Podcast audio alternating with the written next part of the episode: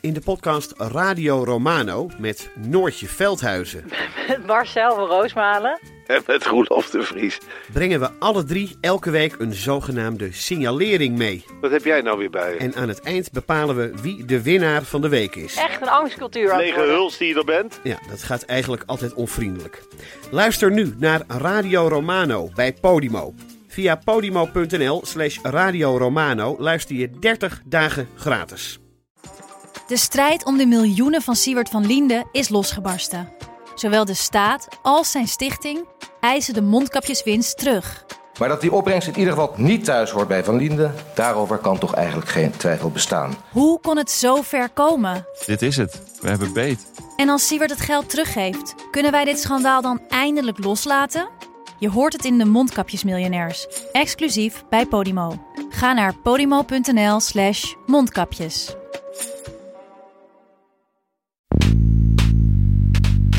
Kies nou vijf van die grote innovatie-ecosystemen waar er een sleuteltechnologie is, waar je één of meerdere re- geografische kernen eh, van hebt en waarvan je denkt, daar kunnen we in Nederland echt op, op mondiaal terrein in mee. En ga daar nou eens echt in investeren voor een termijn van een jaar of tien, om dat innovatie-ecosysteem echt in, in al zijn eh, aspecten, van onderwijs tot onderzoek tot bedrijvigheid, te versterken. Dit is Betrouwbare Bronnen met Jaap Jansen.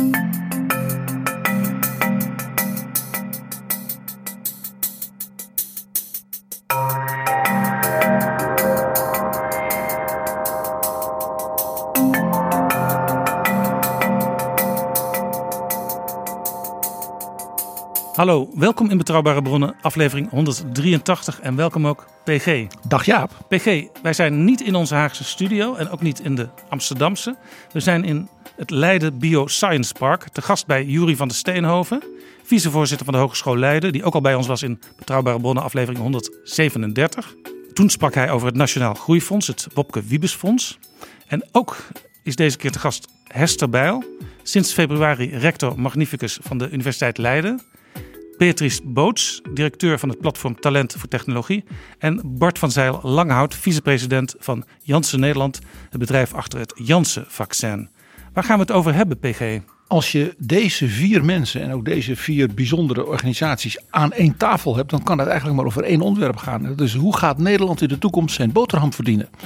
Hoe ga je dus de combinatie van topkennis, eh, beroepsonderwijs, universitair onderwijs, R&D, onderzoek en het stimuleren van talent zo bij elkaar brengen dat Nederland ook de komende 50 jaar tot de top van de wereld behoort, eh, zowel economisch als qua kennis, als ik zal maar zeggen in culturele zin. Ja, want hier in Leiden op het terrein naast het Centraal Station, en dat is een gebied op zichzelf, zitten al die betrokkenen bij elkaar. De universiteit, het LUMC, de hogeschool en de laboratoria van Janssen Nederland. Ze hebben allemaal invloed op elkaar, ze helpen en stimuleren elkaar en ze proberen eraan bij te dragen. PG, jij zegt het, dat Nederland nog slimmer en innovatiever wordt. En er zit dus ook van alles bij wat niet iedereen meteen weet. Alle mogelijke start-ups en andere kleine bedrijven vanuit dat jonge talent. Bijvoorbeeld er wordt ook gewerkt met het mbo. Dus, dus niet alleen maar, eh, zeg maar universiteiten en bollebozen en promovendi. En maar het academisch ziekenhuis heeft dus ook een enorme functie als zorgcentrum. Maar ook weer als kennisontwikkelingscentrum. Dit is Betrouwbare Bronnen. Bart van Zeil Langhout, u bent vicepresident Strategic Alliances en Campus Lead van Janssen Nederland. Wat is dat Campus Lead? Ja, hartelijk dank voor de uitnodiging om hier, eh, om hier te zijn in de, in de studio in het Leiden Bioscience Park. En ik ben daar zelf ook heel trots op, want we hebben een prachtige stichting binnen het Leiden Bioscience Park waar ik de voorzitter eh, van ben. Als campuslead eh, ben ik verantwoordelijk voor eigenlijk de verschillende Janssen-organisaties binnen Nederland. We hebben er eigenlijk drie. Eén houdt zich met name bezig met onderzoek en ontwikkeling. Een tweede houdt zich met name bezig met productie van vaccins en geneesmiddelen. En de derde is verantwoordelijk eh, om ervoor te zorgen dat die producten uiteindelijk ook bij de mensen komen die ze nodig hebben. En als campuslead probeer ik de samenwerking tussen die organisaties te versterken. Maar met name ook om naar buiten toe als één organisatie op te treden. En op die manier eigenlijk een nog betere samenwerking te realiseren. Hè, met belangrijke partners als de hogeschool, de universiteit en natuurlijk ook de overheid. Nou bent u ook een van de mensen achter het eh, Janssen-vaccin dat een kleine twee weken geleden werd goedgekeurd en vervolgens beschikbaar kwam voor de Nederlandse markt. We moeten het toch even over hebben. Uh, het slechte nieuws. Dinsdag kwam het bericht dat de uitrol is uitgesteld uit voorzorg vanwege mogelijke bloedproppen die kunnen ontstaan bij mensen die het vaccin krijgen toegediend. En minister Hugo de Jonge noemde het verstandig dat die uitrol even is uitgesteld. Is dit een groot probleem? Nou, ik denk het allerbelangrijkste om mee te beginnen is dat de veiligheid en het welzijn van degene hè, die onze producten gebruiken, dat is altijd wat bij ons vooraan staat. Ja?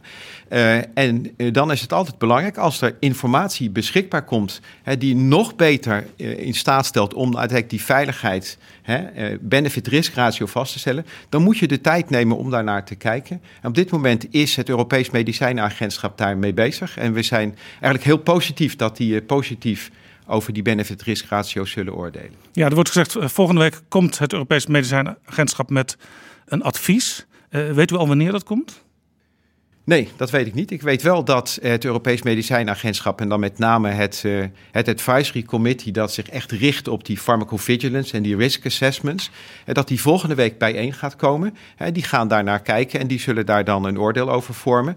Maar wanneer dat precies gebeurt en hoe snel dat gebeurt, dat, daar, zijn wij, ja, daar zijn we niet direct bij betrokken. Dat ja. is echt hun verantwoordelijkheid. Ja. veel mensen uit, uit deze vaccinatiewereld die zeggen wat Marjolein Kikkert, uh, die hier in Leiden op het LUMC eh, werkt als viroloog, uh, deze week zei. laten we maar liever doorprikken, want hoe meer uitstellen, hoe langer we blijven zitten met de gevolgen van corona. Ja, en dat is absoluut iets wat, wat ook heel erg begrijpelijk is van vanuit haar positie. Maar wij hebben als, ja, als toch als fabrikant toch gemeend dat we zeggen nee. Hè, omdat er wellicht nieuwe informatie beschikbaar is gekomen, gaan we gewoon even dat oordeel hè, van de EMA afwachten. En we nemen even de tijd, even op de pauzeknop drukken. En hopelijk, als we daar positieve feedback van gekregen hebben, dan kunnen we ook weer op de startknop drukken. Ja, laten we ervan uitgaan dat het, dat het allemaal goed komt. In Os liggen inmiddels 80.000 eh, eh, vaccins te wachten. Eh, maar Nederland heeft er 11,3 miljoen besteld. Wanneer komt de rest? In de loop van het jaar dus we hebben heel duidelijke afspraken met de Europese Commissie gemaakt. En Nederland is een onderdeel van die afspraken die gemaakt zijn. daar is ook een, een leverschema mee afgesproken. dus na het einde van het jaar toe zullen al die doses geleverd worden. maar we zijn op dit moment echt nog bezig om ook ons hele productienetwerk op te starten. dus ja, naarmate de tijd bevordert, komt er steeds meer product beschikbaar. Ja, minister Hugo de Jonge die wilde heel graag uh, dit vaccin, het Janssen-vaccin, bestellen heeft u daarbij als voordeel dat uh, u gezien wordt als een, een, Nederlands bedrijf met een Nederlands vaccin?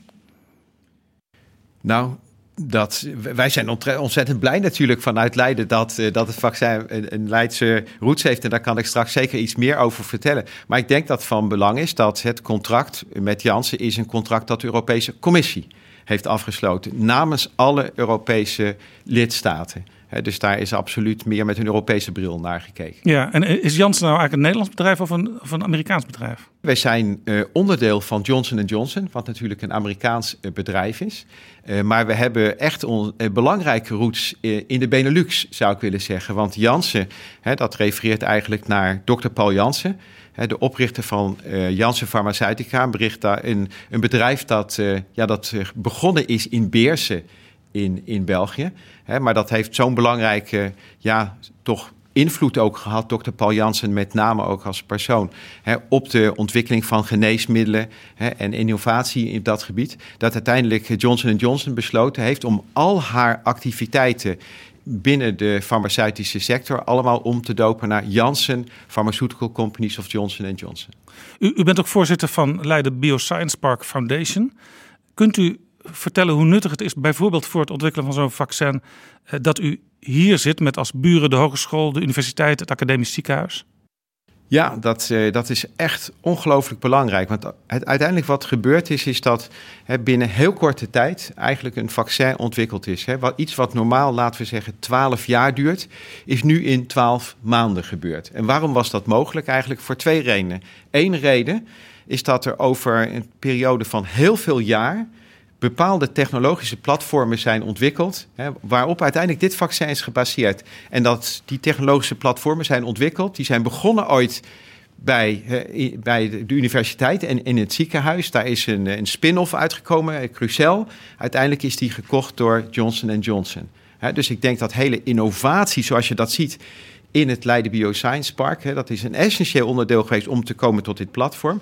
Maar daarnaast is in die afgelopen twaalf maanden enorm goede samenwerking geweest tussen Janssen, tussen het LUMC, tussen andere bedrijven, om uiteindelijk echt dan op basis van die platformen dit vaccin te ontwikkelen. En ik, ik projecteer het nu even heel sterk op het Leiden Bioscience Park, want daar is echt veel gebeurd. Maar ik moet eerlijk zeggen, die samenwerking is echt ook op wereldwijde schaal geweest met, met andere bedrijven uh, en ook met andere universiteiten. Maar zeker ook heel belangrijke link naar het Leidse. Ja, Hester Bijl, rector magnificus van de Universiteit Leiden. Um, hoe belangrijk is het om zo'n bedrijf als Janssen hier als buurt te hebben? Ja, daar zijn we ontzettend blij mee. Uh, het bedrijf Janssen is, uh, investeert echt in R&D ook. En, en, en dat is cruciaal, denk ik, voor, voor het bedrijf zelf natuurlijk. maar ook voor ons, om daarmee samen te werken. Ik denk het voorbeeld van het vaccin. dat is inderdaad destijds begonnen bij de universiteit... en het Leids Universitair Medisch Centrum. onder andere professor Van der Epp heeft daar een grote rol in gespeeld. En het was echt fundamenteel onderzoek. Nieuwsgierigheidsgedreven Eigenlijk maar een klein groepje mensen wat ermee klein groepje is, mensen, steeds groter geworden. En dat stond echt aan de voet daarvan. Maar het was nooit zo groot geworden als er niet een interactie was geweest met het bedrijfsleven. Uh, uh, Crucel heeft daar een rol in gespeeld, nu Jansen. Dus juist dat ecosysteem, universiteit, hogeschool, kennisinstellingen. We hebben hier ook het TNO, Naturalis en het bedrijfsleven groot en klein. Dat dat zo dicht bij elkaar zit en echt samen kan werken is denk ik heel erg belangrijk voor de economische kant en ook het welzijn van de mens. We praten straks verder over het nut van zo'n technologisch ecosysteem.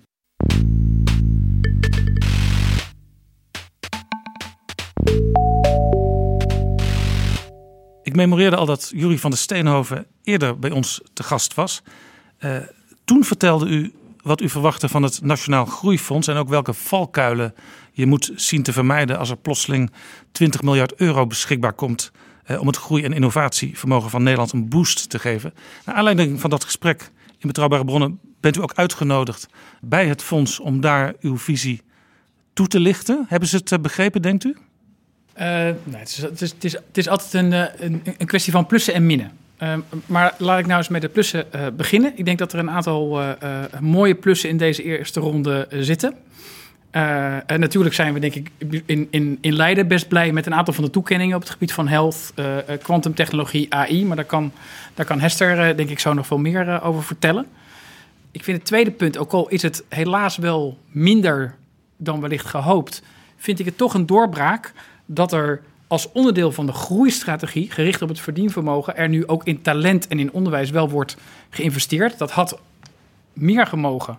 Maar het, ik vind het nog steeds wel een doorbraak dat we nu in Levenland ontwikkelen en ook onderwijsinnovatie gaan investeren. Uh, uh, vanuit een instrument als een, als een, uh, als een groeifonds. Want dat, dat is, die stap is nu wel gemaakt. En ik heb ook wel waardering voor, toch, ik heb in de vorige uitzending mijn zorg wat uitgesproken over de mogelijk dominante rol van infrastructuur binnen dat, dat fonds. en eigenlijk heeft de commissie daar, vind ik, een best aardige oplossing voor gevonden. Want er zijn natuurlijk drie hoofdonderdelen van het Groeifonds. Ja, drie hoofdonderdelen: onderzoek en innovatie, infrastructuur en kennisontwikkeling. Ja, precies.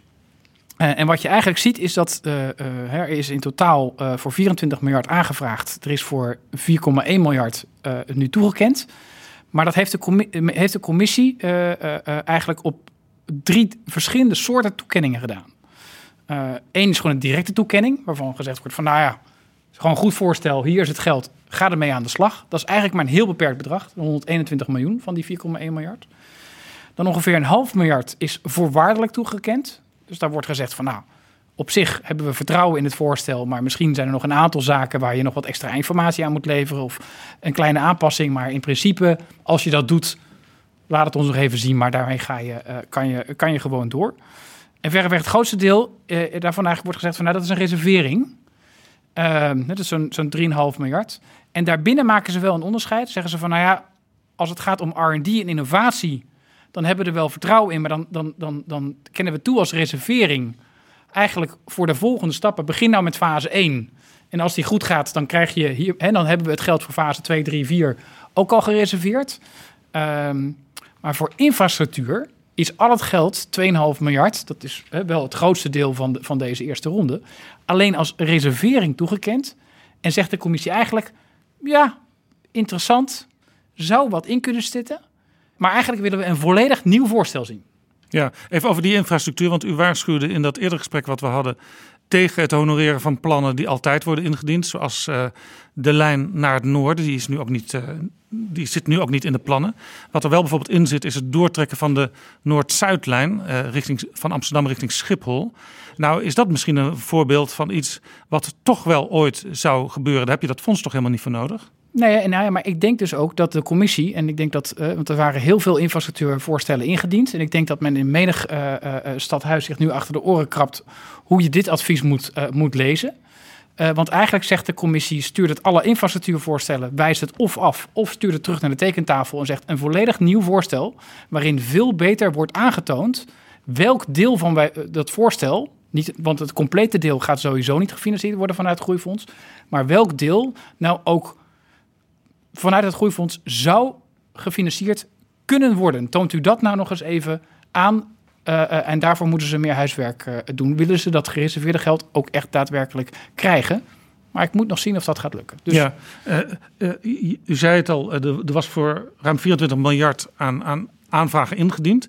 naar innovatie gaat 1,35 miljard. Onder andere naar de Quantum Delta Nederland en, en naar het investeringsprogramma Kunstmatige Intelligentie. Overigens ook naar een infrastructuur voor uh, gezondheidsdata. Dat zal, zal Jansen ook interessant vinden. Hoe kijkt u naar die, naar die dingen die voor onderzoek en innovatie zijn gehonoreerd? Nou, ik denk dat als je uh, de, de, specifieke projecten, daar, daar, daar weet Hester eigenlijk nog veel meer van. Dus de Universiteit Leiden is daar ook zeer nauw bij betrokken. En ook hier in het park. Uh, nou, misschien moeten we meteen maar even naar Hester gaan. Hester Bijl van, van de universiteit. Blij met wat nu al gehonoreerd is door het Nationaal Groeifonds? Zeker, zeker. We zijn zeker blij eh, met wat er gehonoreerd is. Ook eh, er landt ook echt een investering in Leiden, in een faciliteit eh, voor echt een doorbraaktechnologie voor de geneeskunde, voor de regeneratieve geneeskunde. dus daar zijn we echt extreem blij mee. Ehm, aan de andere kant, artificiële intelligentie en kwantumtechnologie, twee hele belangrijke de technologieën, ook doorbraaktechnologieën voor Nederland, zijn stukken voor gereserveerd. Uh, uh, maar voor de echte toekenningen zullen we nog wel echt aan de bak moeten. Dus ja, we zijn zeker blij, maar uh, we zijn er nog niet. Nee, even wat u noemde, die regeneratieve geneeskunde. Ja. Dat gaat vooral over schade aan cellen, weefsels en organen. Klopt. Hoe je die kunt herstellen. Ja, dit gaat over de Next Gen faciliteit, uh, waar uh, met uh, ja, stamceltherapie lichaams-eigen materiaal omgevormd kan worden om mensen weer beter te maken.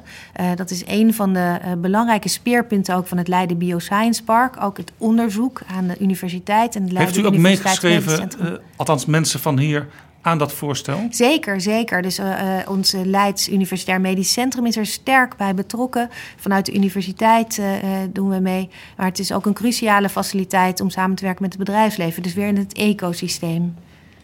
U zei, u zei net, we moeten nog wel aan de bak. Dan word ik altijd meteen geïnteresseerd. Wat dan? Wat is voor u, als u nu kijkt naar die toewijzing, de belangrijkste uitdaging van Jeroen Dijsselbloem? Nou, je zag de, de, de, twee dingen eigenlijk. De uitdaging was aan de ene kant, zei Jeroen Dijsselbloem... er zijn nu wel hele grote dingen uh, aangevraagd. En uh, wat levert dat dan nou op? Dus ik denk dat we moeten kijken naar concrete, wat kleinere voorstellen als het eerste. En het tweede is denk ik ook goed zorgen dat we maximaal profijt hebben van het ecosysteem dat we met elkaar hebben hier in Nederland op deze thema's. Dus kijken hoe we de krachten kunnen bundelen van de universiteiten, bedrijfsleven, overheid en kennisinstellingen om echt die doorbraken op artificiële intelligentie en op kwantumtechnologie met elkaar te realiseren. Zo'n groeifonds is dus in zekere zin ook een soort weer een uitdaging aan u om die samenwerking, dat ecosysteem zelf verder te verbeteren. Oh, absoluut. Daar, daar zijn we altijd al mee bezig. Uh, uh, want dat is cruciaal. De, de, de, belangrijke vragen komen uit de samenleving, de economie waar we aan werken. Naast het nieuwsgierigheidsgedreven onderzoek dat ook doorbraken kan geven. Maar inderdaad, dit geeft ons ook echt rond deze thema's een extra motivatie om ook met de kennisinstellingen gezamenlijk, dus eh, netwerken van universiteiten en met externe partijen, bedrijven, groot en klein, um, toegepaste onderzoeksinstellingen, de hogescholen, samen te werken om, om die kennis uh, echt uh, naar de markt te brengen en naar de mens te brengen, zodat iedereen daar een voordeel van heeft. En je maakt elkaar ook scherper en um, de, de indruk aan de andere kant bij de beoordelaars wordt natuurlijk ook steviger als een flink aantal gerenommeerde eh, instellingen dat samen doen. Absoluut, ja, absoluut. En dat het zowel aan de kenniskant is als de talentontwikkelingkant. Dat is ook cruciaal voor Nederland, denk ik. Bart van Zijl? Ja, ik wil even bouwen op wat Hester ook, ook zei. Namelijk dat het ook van belang is dat we hele concrete projecten daarbinnen identificeren. Ik denk toch ook wel wat echt heel mooi is dat met deze, ja, zou maar zeggen, met deze funding vanuit het Groeifonds, dat echt voor artificial intelligence en voor kwantumtechnologie echt gekozen is als sleuteltechnologie. Ja? En uh, dat we daar echt dus in de breedte in gaan investeren, zonder dat er heel sterk is gekozen voor een bepaald project of voor een bepaalde richting. En dat je op die manier hè, het ecosysteem hè, rond eh, AI en kwantum, dat echt al sterk is in Nederland, dat we dat nog verder gaan versterken. Om op die manier echt ook die internationale concurrentiepositie nog, nog verder te vergroten. En dat dan ook echt laten aansluiten op waar we ook in onderwijs mee bezig zijn. Met HBO, met MBO, met universiteit. Zodat we straks ook de mensen opleiden die in die domeinen echt ook weer de expertise hebben om, uh, ja, om misschien ook de spin-offs te hebben, maar ook weer bij de grote bedrijven te Want ook zonder die mbo'ers en die hbo'ers kunt u met Jansen en kan ook de universiteit in het ziekenhuis geen stap verder. Nee, nee, dat is, het besef is natuurlijk heel sterk gegroeid de laatste jaren. Ja, ja, we, praten vandaag natuurlijk over samenwerking. En uh, die Quantum Delta Nederland, daar uh, uh, is Amsterdam bij betrokken, Delft, Eindhoven, Leiden, Twente. Heel veel bedrijven. Dus dat is een mooi voorbeeld van samenwerking. Hetzelfde geldt natuurlijk voor de Artificial Intelligence Coalitie. meer dan 250 deelnemers. Ja, ja wij zijn bijvoorbeeld ook onderdeel van de Artificial Intelligence Coalitie. Omdat wij, ja, dat is toch ook een domein dat ook voor ons ja, tak van sport, zal ik maar zeggen, ongelooflijk belangrijk is. En waar je heel veel van elkaar kunt leren. Hè, maar waar je ook door samen te werken, denk ik, ook meer kunt bereiken uh, dan, dan ieder alleen. Beatrice Boos, u bent directeur van Platform Talent voor Technologie. Nou, constateerden we net al dat voor kennisontwikkeling uh, een relatief klein bedrag nu beschikbaar komt. Dat kan natuurlijk nog veranderen? Want dit is maar de eerste tranche die wordt uitgeleverd door dat Nationaal Groeifonds. Hoe kijkt u daarnaar? Ja, nou, ik heb inderdaad ook kennis genomen van de uitkomsten van het Groeifonds. En uh, wat mij inderdaad opvalt bij alle programma's die ik hoor, is uh, dat ik meteen denk van waar gaan we al die mensen vandaan halen? Want al die infrastructurele projecten die vragen ook installateurs, elektriciens. Uh, allerlei natuurwetenschappers als het gaat om uh, wat ze aan de Leids Universiteit doen. Dus dat zal nog een hele tour worden. En daar zijn we al heel lang mee bezig in Nederland. En gelukkig gaat het op de Technische Universiteit een stuk beter. En ook bij een aantal uh, beta-faculteiten. Maar daar is nog veel werk te verrichten en vooral in het beroepsonderwijs. En als je kijkt naar de onderwijsprojecten die zijn toegekend, dan zie je allereerst dat de experimenten voor het funderend onderwijs dat die helemaal niet zijn toegekend. Die moeten nog veel beter worden uitgewerkt. En ik denk dat het daar echt ontbreekt aan het sluiten van uh, coalities of allianties. Wat, wat, hoort daar bijvoorbeeld bij, bij experimenten voor funderend onderwijs? Nou, dat gaat onder andere vrij veel onderzoeksgericht, bijvoorbeeld over uh, achterstanden op scholen. Hè, hoe, hoe je dat dan anders of beter of sneller zou kunnen doen. Eigenlijk waar het allemaal bij begint als je ja. dingen wilt overdragen. Ja, en um, ik weet verder niet heel veel van die uh, voorstellen af. Ik weet wel dat de commissie heeft gezegd, nou hier moet nog veel aan gebeuren. Dus ik hoop ook in een volgende ronde dat ook echt andere partijen hierbij worden betrokken. En dat er allianties worden gesloten, zodat we tot betere programma's kunnen komen. De hogescholen en de universiteit hebben daar volgens mij heel veel kennis over. En um, ja, als je het op primair onderwijs richt, dan, dan zul je toch ook meer partijen moeten betrekken. En ook denk ik het onderwijs zelf. Ja, want u bent van het platform Talent voor Technologie. Wat doen jullie precies? Wat wij vooral doen is in opdracht van uh, drie departementen en ook samen met technische branches en fondsen zorgen dat meer jongeren in aanraking komen met aantrekkelijk technisch onderwijs. Ook heel veel met bedrijven door gastlessen, stages, nieuwe vakken, nieuwe uh, thema's in vakken te introduceren. Zodat meer jongeren het ook interessant vinden, het ook willen kiezen. Zodat we uiteindelijk een betere aansluiting tussen onderwijs en arbeidsmarkt krijgen.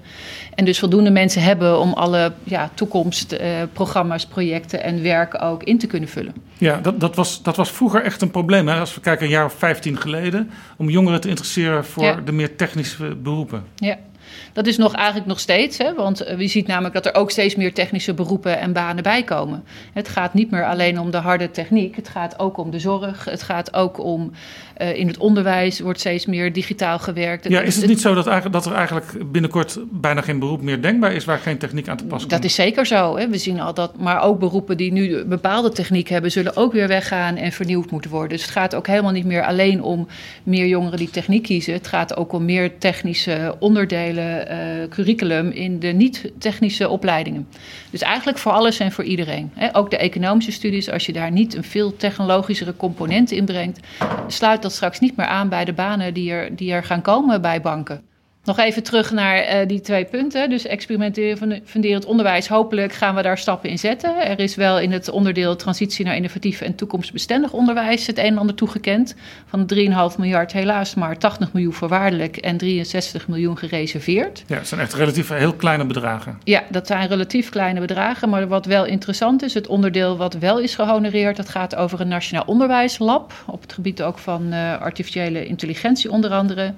En het uitgangspunt daar is wel dat scholen een rol krijgen en dat die ook gelijkwaardig moet zijn aan die van de wetenschappers. En dat de scholen die het moeten uitvoeren ook echt betrokken gaan worden.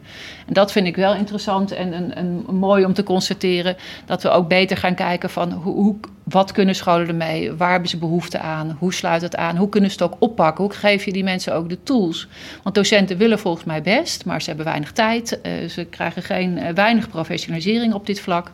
Dus daar zul je ook tegelijkertijd aan moeten werken. Hè. Alleen een Nationaal Onderwijslab zal niet uh, helpen. Maar ook hiervoor geldt, er zal er een en ander uitgewerkt moeten worden.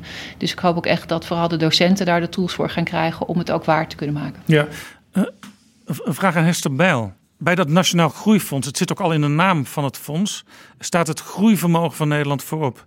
Maar je wil als wetenschapper toch ook dingen onderzoeken waar je misschien nog niet meteen een kassa naast ziet staan? Jazeker. Uh, en dat betekent helemaal niet dat je er nooit groei uit krijgt. Dus de, er zijn hele grote doorbraken. Nou, een van de voorbeelden is net genoemd het uh, Janssen-vaccin...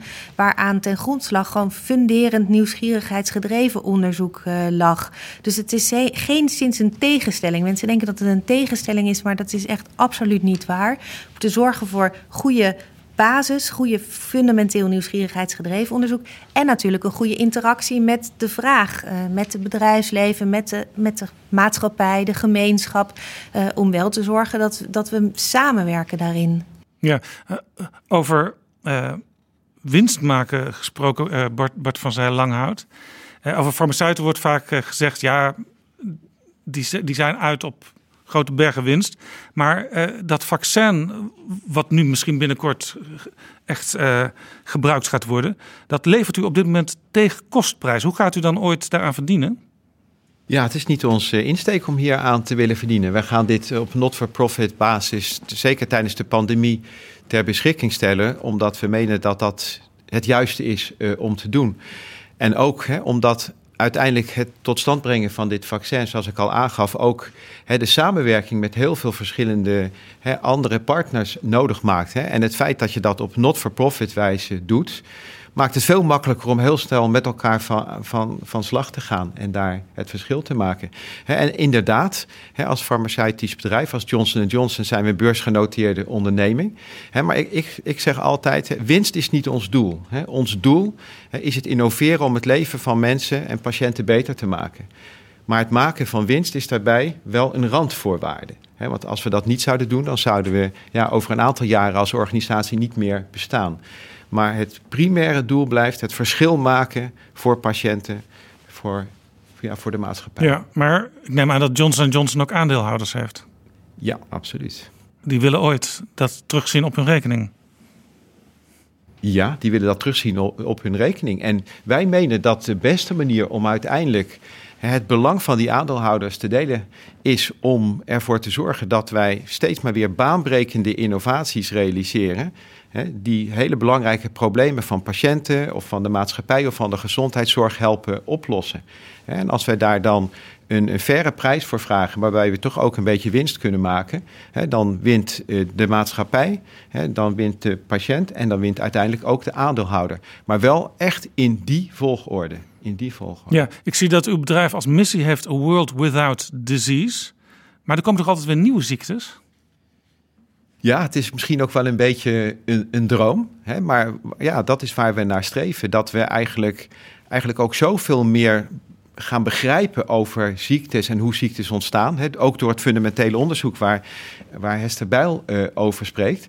Dat we ook in staat gaan zijn om steeds veel vroeger in te gaan grijpen bij, bij ziekteprocessen. Dus nu is het vaak toch zo dat we ziekte pas onderkennen op het moment dat het al vrij ver gevorderd is. En dan zijn er vaak ook grote en, en ook dure ingrepen nodig. Stel dat we in staat zijn om in een heel vroeg stadium een, ziekte te, te, te, erkennen. Dan zijn misschien veel kleinere dingen nodig om, om die ziekte te voorkomen of in een goede richting verder te laten evolueren.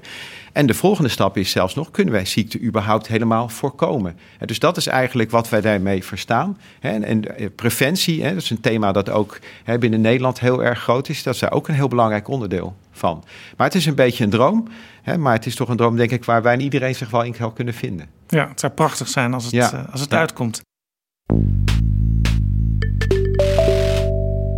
Dit is Betrouwbare Bronnen, een podcast met betrouwbare bronnen.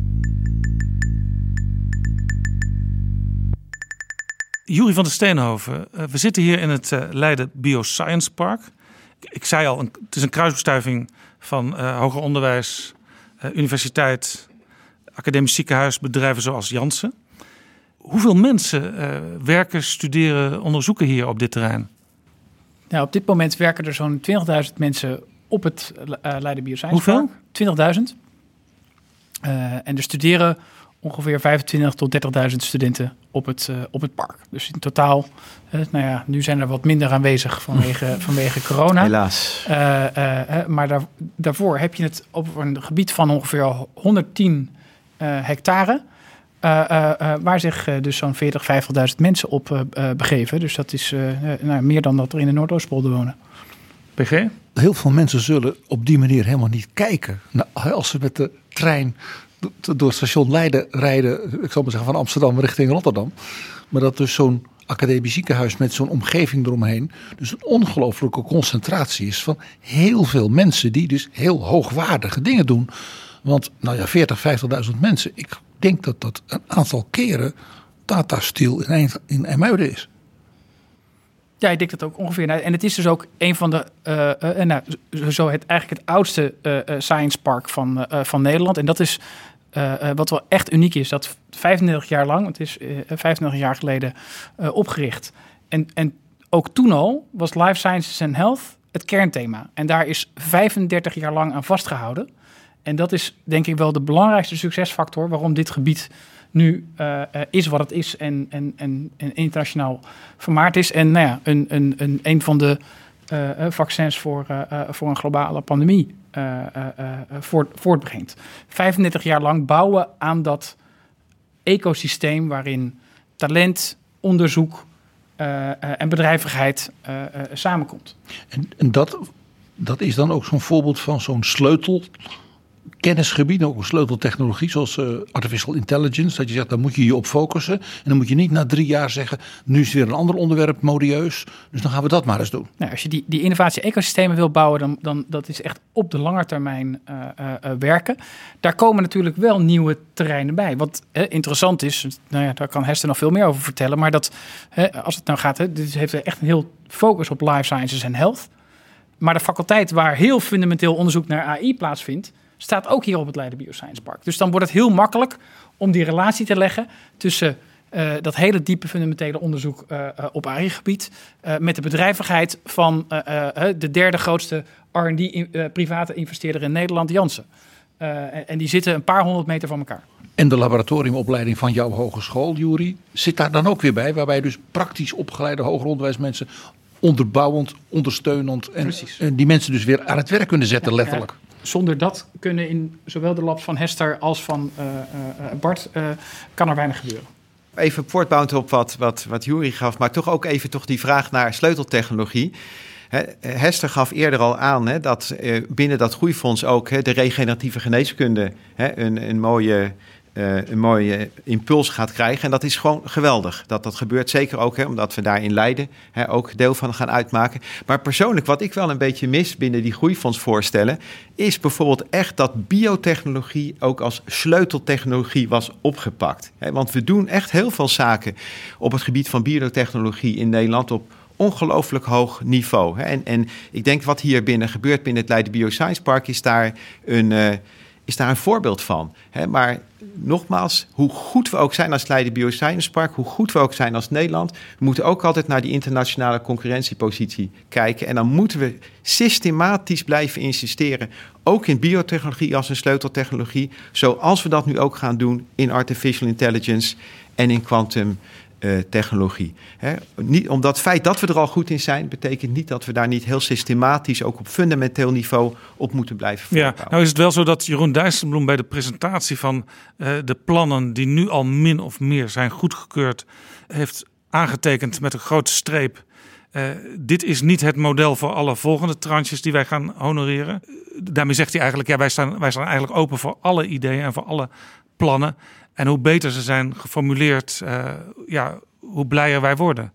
Uh, Hester Bijl, hoe is het ooit begonnen? Want iedereen kent natuurlijk de Universiteit Leiden als, als de, de, oudste universiteit. maar hoe is het hier begonnen tot het werd wat het nu is, het, het Bioscience Park? Ja, stap voor stap eigenlijk. In 1984 uh, werd hier uh, gekeken naar, toen was het eigenlijk nog voor een groot deel een grasveld hier. en toen waren er een paar mensen die visionair zeiden van hier moeten we iets mee. Ook wat mensen die in de Verenigde Staten uit het bedrijfsleven terugkwamen naar, naar Leiden, die hier actief werden. Maar ook een initiatief om het Academisch Bedrijvencentrum te starten. Dat heet nu Biopartner. En dat is een, een inmiddels zijn we, gaan we het vijfde grote gebouw daar daarvoor uh, binnenkort wordt opgeleverd. En dat is een, uh, een gebouw voor start-ups. Dus voor bedrijven die net zijn gestart en ietsje groter zijn gegroeid. Om die hier faciliteit te geven, zowel kantoorruimte als labfaciliteit. Want ja, voor die dat was in de jaren tachtig nog iets heel nieuws, hè, dat ja. je op die manier kon samenwerken. Ja, ja dus dat was echt een. Ja, het was eigenlijk, zoals Jury ook zei, het eerste bedrijf campus echt bij een universiteit hier in Nederland. En het is ook denk ik nog steeds uniek door de specifieke focus. En de, dus de kracht van de partijen die we hier hebben. En de focus op, de, op de life sciences, op de geneesmiddelen, vaccinkant. Het begrip viel al even in het begin van dit gesprek. de stier Herman. Ja. hoe, hoe ging dat ook alweer? Nou, stier Herman is uh, in 1990 geboren als eerste transgene stier. Dus dat betekent dat er een gen in, in deze stier was die niet van hem, uh, hemzelf was. Het bedrijf Farming uh, heeft daar een grote rol in gespeeld. Ja, dat, dat, dat werd toen nog als, ook als iets gevaarlijks gezien, hè? Moet ja. je dat wel doen? Ja, ja, ja zeker. Er was ook wel wat weerstand hier en daar, maar doorgezet. En nou, stier Herman heeft een goed leven gehad. En de verbinding met het Leiden Bioscience Park is dat toen de stier Herman met pensioen pensioen ging, is hij hier gepensioneerd. Hebben we een wijtje voor hem uh, gevonden. Daar heeft de Naturalis Biodiversiteitscentrum een grote rol in gespeeld. Ja. We hebben hier nu ook een, een café-restaurant dat De Stal heet uh, daarnaar. En als je nog geïnteresseerd bent, uh, De Stier is helaas overleden. Herman is in 2006 overleden, maar je kan hem nog bewonderen in, in Naturalis. Ja, oorspronkelijk stond in de wet dat hij na een bepaalde tijd moest worden gedood. Maar dat is Ja. toen niet gebeurd. Nee, klopt. Nee, dat was de, de mensen, de- er zijn ook dierenliefhebbers opgestaan en eh, er kwam een actie op gang en toen is, eh, is Leiden opgestaan. Ja, hij moest wel gecastreerd worden. Ja, hij mocht geen kindjes krijgen. Ja. Maar het, is, maar het is dus een soort wetenschappelijke mummie. Een soort de Toetanchamon van, de, van, van het Bioscience Park. Absoluut. En ook weer, weer wetenschap, kennisontwikkeling, maar echt. eh, eh, eh, en het bedrijfsleven. Dus dat, dat is wel eh, eh, ja, een mooi icoon. Ja, nu, nu we toch praten dan even over ja, de angst die er toen bestond... Hè, in verband met de genetisch gemodificeerde stier Herman. Ja, En- een angst en die dat- er- die er bij veel mensen nog steeds is. Dat Ja. wou ik eigenlijk net zeggen. Ja, dus nog punt. altijd is het zo hè, dat we ook in Nederland een eh, vrij restrictieve uitleg geven aan Europese regelgeving rond het omgaan met genetisch gemodificeerde organismen. En ik moet wel zeggen, en dat is echt ook een enorme ja, dankje aan, aan de overheid, dat als het gaat om het onderzoek doen met genetisch gemodificeerde organismen, dat de overheid ook echt daar gekeken heeft om bijvoorbeeld onderzoek dat wij moesten doen met ons coronavaccin, om dat veel sneller toestemming voor te geven dan dat normaal gebruikelijk is. Maar het zijn toch ook dit soort zaken waarbij een overheid bepaalde uitleg geeft aan bepaalde Europese regelgeving, die ongelooflijk belangrijk kunnen zijn voor hoe competitief kun je zijn als land om ook bepaalde ja, activiteiten uit te voeren. Dat triggert mij even. U zegt de, eh, de overheid hielp ons om sneller toestemming te krijgen bij de ontwikkeling van zo'n uh, vaccin. Waar loop je normaal tegenaan? Wat, wat dempt normaal gesproken het tempo waarin je zoiets kunt ontwikkelen? Nou, een van de zaken is bijvoorbeeld ook de lengte van bepaalde procedures die je, die je moet doorlopen. Om uiteindelijk, wanneer je een bepaald onderzoek bijvoorbeeld wil doen, om daar goedkeuring voor te Allemaal krijgen. Allemaal goedkeuringen van onderdelen van het onderzoek? Nou, van, van een onderzoek bijvoorbeeld. Ja, en hè, dan weet je bijvoorbeeld dat bepaalde onderzoek met een genetisch gemodificeerd organisme, dat dat in het buitenland dan bijvoorbeeld in 30 dagen goedgekeurd wordt. Daar stond dan in Nederland een veelvoud van die periode voor. En het is echt ook echt slagkracht van de overheid geweest dat zij gewoon op heel korte termijn echt die regelgeving hebben aangepast. Om te zeggen, nee, daar moeten we naar kijken. We willen daar nog steeds een hele goede toetsing op doen, hè, op veiligheid. We willen niet iets doen wat, hè, wat gevaarlijk is of risico's brengt. Maar dat in ieder geval heel erg versnellen. Dat vind ik wel mooi. Maar er zijn op dit moment nog steeds bepaalde andere zaken waar wij dat soort regelgeving ja, vrij restrictief uitleggen. En daar zouden we met dezelfde ja, bril naar, naar moeten kijken. Van uiteraard moeten we hele goede risicoanalyse doen. Maar we moeten dat wel zo snel mogelijk doen, want die innovatie die, die moet door. Is dat ook misschien een opdracht voor de, de nieuwe ministers die straks aantreden? Bijvoorbeeld de minister van Volksgezondheid, de minister van Wetenschap. Ga nog eens even met stofkam door al die toestemmingssystemen en gaat het misschien wat ja, wat, ik, zou, ik zou zeker zeggen, met, met, met, die stofkam is misschien niet eens nodig. Want ik denk dat er echt ook al zeer actief naar ons toegekomen wordt met de vraag van... Hè, vertel ons ook waar, waar zitten de bottlenecks, waar zijn de plekken... Hè, waar we ook misschien kunnen kijken om dingen verder te kunnen stroomlijnen. Wat we hier trouwens heel interessant, hè, dat lijkt een detail... Maar het is dus een heel interessant signaal. Dat is wat men in Brussel dan noemt goldplating. Dat is de nationale overheden van de lidstaten bovenop Europese regels nog verstre ver, ver, verstrengingen, uh, extra's doen. Om vervolgens natuurlijk tegen de, de nationale uh, gemeenschap te zeggen: ja, moet van Brussel. Maar in feite heeft men dan zijn eigen extra's erbovenop. En dan loopt u daar dus weer, dan weer tegenaan en dan zegt u ja, fijn dat het nou toch sneller mocht. Ja, nee, maar dat, is dus dat, is waar. Ja, die woord coldplating kende ik dan uh, even niet, dus ik heb ook weer wat geleerd vanavond. Maar Nee, maar dat is waar. En ik denk dat het goed is dat eigenlijk ook in de urgentie van de crisis waar we nu zitten, hè, dat we daar echt ook elkaar hebben gevonden in die discussie en, en daar ook een oplossing uh, gevonden. Hester Bijl, zo'n Science Park waar we, waar we nu zitten, waar moet je op letten als je dat heel succesvol wil maken? Uh, dat er de, de, goede ingrediënten zijn. Uh, en wat dat zijn die? Nou, dat dicht bij elkaar de verschillende spelers in het ecosysteem aanwezig zijn om te beginnen. Dus dat is de, het bedrijfsleven natuurlijk, groot, maar ook klein. En dat je ook zorgt dat er weer nieuwe start-ups en spin-off bedrijven komen uit de bedrijven zelf of uit de kennisinstellingen, de hogeschool, de universiteit. Dus, dus dat is een heel belangrijk element. Dan is er een belangrijk element dat er echt onderzoek en ontwikkeling plaatsvindt. Deels in de bedrijven, maar ook grotendeels aan de universiteit. Het Leids Universiteits Medisch Centrum. We hebben in het Bioscience Park vanuit de universiteit een grote faculteit sociale wetenschappen. En ook een hele grote beta-faculteit. En zeer vooraanstaand onderzoek vindt daar plaats op allerlei fundamentele gebieden. Nieuwe moleculen, wat ook een rol speelt voor de life sciences. Artificiële intelligentie, wat een rol speelt.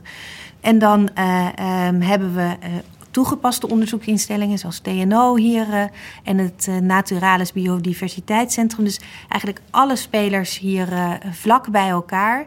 Talent, dus de MBO, HBO, de hogeschool uh, leiden hier uh, met hele goede opleidingen. Die ook weer samenwerken met het medisch centrum om analisten te leveren en met ons. En ook echt de, een, een, een overheid die er positief tegenover staat. Dus de gemeente Leiden heeft het altijd enorm gesteund. We hebben een hele mooie parkorganisatie die ook stimuleert dat we echt elkaar vinden, samenwerken rond investeringen, talent, faciliteiten prachtige trainingsfaciliteit, Biotech Training Facility, om echt mensen te trainen in een labsetting uh, met de apparaten. Dus eigenlijk hebben we alle elementen hier, uh, hier aanwezig al heel lang. Het wordt steeds intensiever en dynamischer. En er komt nog steeds meer bij. Ja, en toen ik hier naartoe liep, dwars, door het, dwars over het terrein uh, zag ik heel veel gebouwen, maar ook nog best wel veel open ruimte. Betekent dat dat er ook nog veel bijgebouwd kan worden? Jazeker. En we willen eigenlijk, kijk, we willen van een park naar een innovatiedistrict. Dus nog dichter op elkaar, nog meer echt gezamenlijk eh, in de ruimtes en nog meer zichtbaar. Want het is denk ik als je hier loopt, ja, er staan bedrijven, er staat een universiteit, maar je kan niet echt, het is niet meteen zichtbaar wat er hier gemaakt wordt. Dus uh, we kunnen met studenten projecten begeleid door bedrijfsleven, uh, de hogeschool de universiteit denk ik ook nog meer samen zichtbaar maken wat we hier allemaal kunnen doen. Beatrice Boots? Ja, ik eh, vind het mooi dat Hester ook het MBO noemt. Want volgens mij wat hier ook in deze regio heel goed gebeurt... is dat het ROC, ROC Leiden ook heel goed wordt betrokken. Ook die proberen steeds meer met het uh, MKB ook vooral samen te werken. Uh, en, en wat hier denk ik ook een hele mooie aanvulling is... is het Leidse Instrumentenmakerschool, een vakschool want uiteindelijk, alles wordt, wordt bedacht, moet ook worden gemaakt, er worden toegepast in uh, apparatuur, et cetera. En dat maakt het hier ook zo interessant dat die er ook bij betrokken zijn. En uh, de universiteit en de hogeschool werken ook nog eens heel mooi samen met het voortzetonderwijs. Een zogenaamde VOH-netwerken. Dat is begonnen vanuit de beta-kant. want we wilden die aansluiting naar die technische opleidingen beter. Maar inmiddels zijn de alfa's en de gamma's willen dat ook. Dus je ziet eigenlijk dat er wordt aangewakkerd.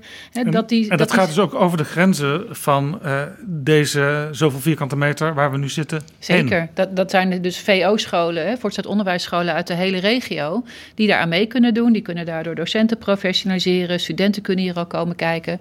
En uh, het, uh, af, het, kabinet wat nu uh, vervangen gaat worden, heeft heel veel geïnvesteerd in het vernieuwd technisch VMBO. Dus het technisch VMBO is ook echt helemaal op de schop, wordt ook zwaar vernieuwd. Ik denk dat die nog wel, wel moeite hebben om de aansluiting te vinden. En misschien is het nu ook nog te vroeg omdat ze in die vernieuwing zitten. Maar het zou natuurlijk heel mooi zijn als het VMBO ook verder aanhaakt en misschien ook zelfs wel op de campus komt. Ik weet niet of dat al zo is. Maar... Ja, want het, het, het VMBO in het algemeen, bij mensen die er niet heel veel van weten, ja. staat niet echt in een goed daglicht. Nee. Hè? Nee, het is, um, het is natuurlijk een samenvoeging van allerlei onderdelen, MAVO en ook meer de praktische opleidingen. Dus het is vrij onbekend. Uh, dat merk ik in mijn omgeving ook. Nu zijn ze aan het vernieuwen. Er zijn tien profielen op dit moment. Vijf daarvan zijn eigenlijk technisch uh, georiënteerd. En uh, dat was vroeger best traditioneel. Nou, ik vat het even simpel, misschien te simpel samen als timmeren en schilderen. Maar ook daar begint nu veel meer met digitale ontwikkelingen, AI, het gebruik van virtual reality. De, de scholen krijgen daar 100 miljoen per jaar voor. Nou, dat klinkt als heel veel, maar op een begroting van 7 miljard is het natuurlijk maar eigenlijk maar heel weinig. Maar het betekent ook wel een stukje erkenning en waardering voor de docenten in deze, in deze scholen, die ook echt zelf uh, de vernieuwing ter hand nemen. Heel veel met bedrijfsleven. Bedrijfsleven co-financiert ook 10%. Ik denk dat dat best wel uniek is voor het VMBO. Uit dus uit de metaalsector, uit de uh, autotechnieksector, uit de groene sector wordt ontzettend veel ook meegeïnvesteerd, ook door gaslessen, stages en dat soort dingen. Dus het zou heel mooi zijn als we die hele keten weten door te trekken. En dan, dan nog het laatste stukje in de keten. Hè. Er is ook volgens mij een wetenschapsknooppunt in Leiden waar de hoogleraren ook persoonlijk naar basisscholen toe gaan. Dus ook de basisscholen worden niet vergeten. En een stukje wetenschapscommunicatie is ook belangrijk. Nou, volgens mij met Ionica Smeets is hier ook een, uh, een bekende uithangbord, maar er zullen er veel meer zijn. Maar het is wel mooi om die hele keten eigenlijk een plek te geven. En uh, niet alleen de universiteit, hogescholen, maar omdat uh, de, de, rest van het onderwijs er niet is, maak ik ze nog even wat en, bekender. En ik denk dat de aanwezigheid van die hele keten, hè, als Ja. het toch weer terug gaan naar het park, is echt een unieke kwaliteit van het park. Dat het van, en dat het van MBO, uh, uh, HBO en WO, dat het allemaal uh, aanwezig is. Dat is voor nou, een bedrijf als Jansen cruciaal. Dus zowel de hogeschool als Jansen zijn partner in het Centrum voor Innovatief Vakmanschap van het MBO Rijnland. Want ja, als die MBO-analisten niet goed worden opgeleid en we hebben, dat, die, die zitten bij ons in het, in het gebouw dat is een cruciale randvoorwaarde om hier succesvol een bedrijf, uh, maar ook een lab uh, van de universiteit. En je ziet dan ook dat, dat, dat zulke ecosystemen vaak ook weer makkelijker docenten kunnen krijgen. He, vaak is het moeilijk om genoeg docenten te krijgen. Ik zal, het zal vast niet opgelost zijn, maar je ziet wel dat het makkelijker is om docenten te krijgen, omdat ze graag in zo'n innovatief gebied willen werken. Ook meer hybride docenten, dus mensen die deels bij een bedrijf en deels bij een uh, onderwijsinstelling werken. Dat is ook, ja, dat, dat proberen we echt heel erg te promoten. Ja, het, zou zo kunnen zijn dat je maandag en dinsdag uh, bij een onderwijsinstelling zit en op die andere dagen bij een bedrijf. En we zien ook uit onderzoek dat de studenten, de leerlingen het ook ontzettend waarderen als er docenten zijn die ook deels in de praktijk werken. Omdat die brengen dat meteen weer in het onderwijs. Dus een mooie combinatie van uh, een koorgroep van docenten, aangevuld met mensen uit het bedrijfsleven of andere organisaties. Ontzettend mooie ontwikkeling.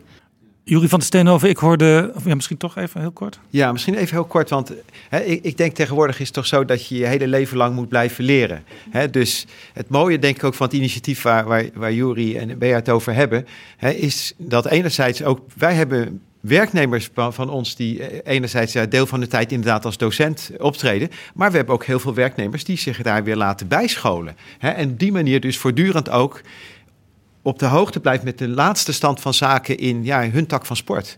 En dat vind ik toch wel heel mooi dat we zo heel dicht naar elkaar toe eh, zijn gekomen in dit initiatief. Ja, Jurie van Steenhoven, ik hoorde Hester Bijl eh, al praten over uh, innovatiedistrict. Betekent dat dat uh, Leiden Bioscience Park uh, binnenkort misschien Innovation District Leiden heet? ik denk dat we de naam Leiden Bioscience Park, dat is, dat is wel zo'n bekende naam. Ik denk dat we die naam wel uh, zullen, zullen houden.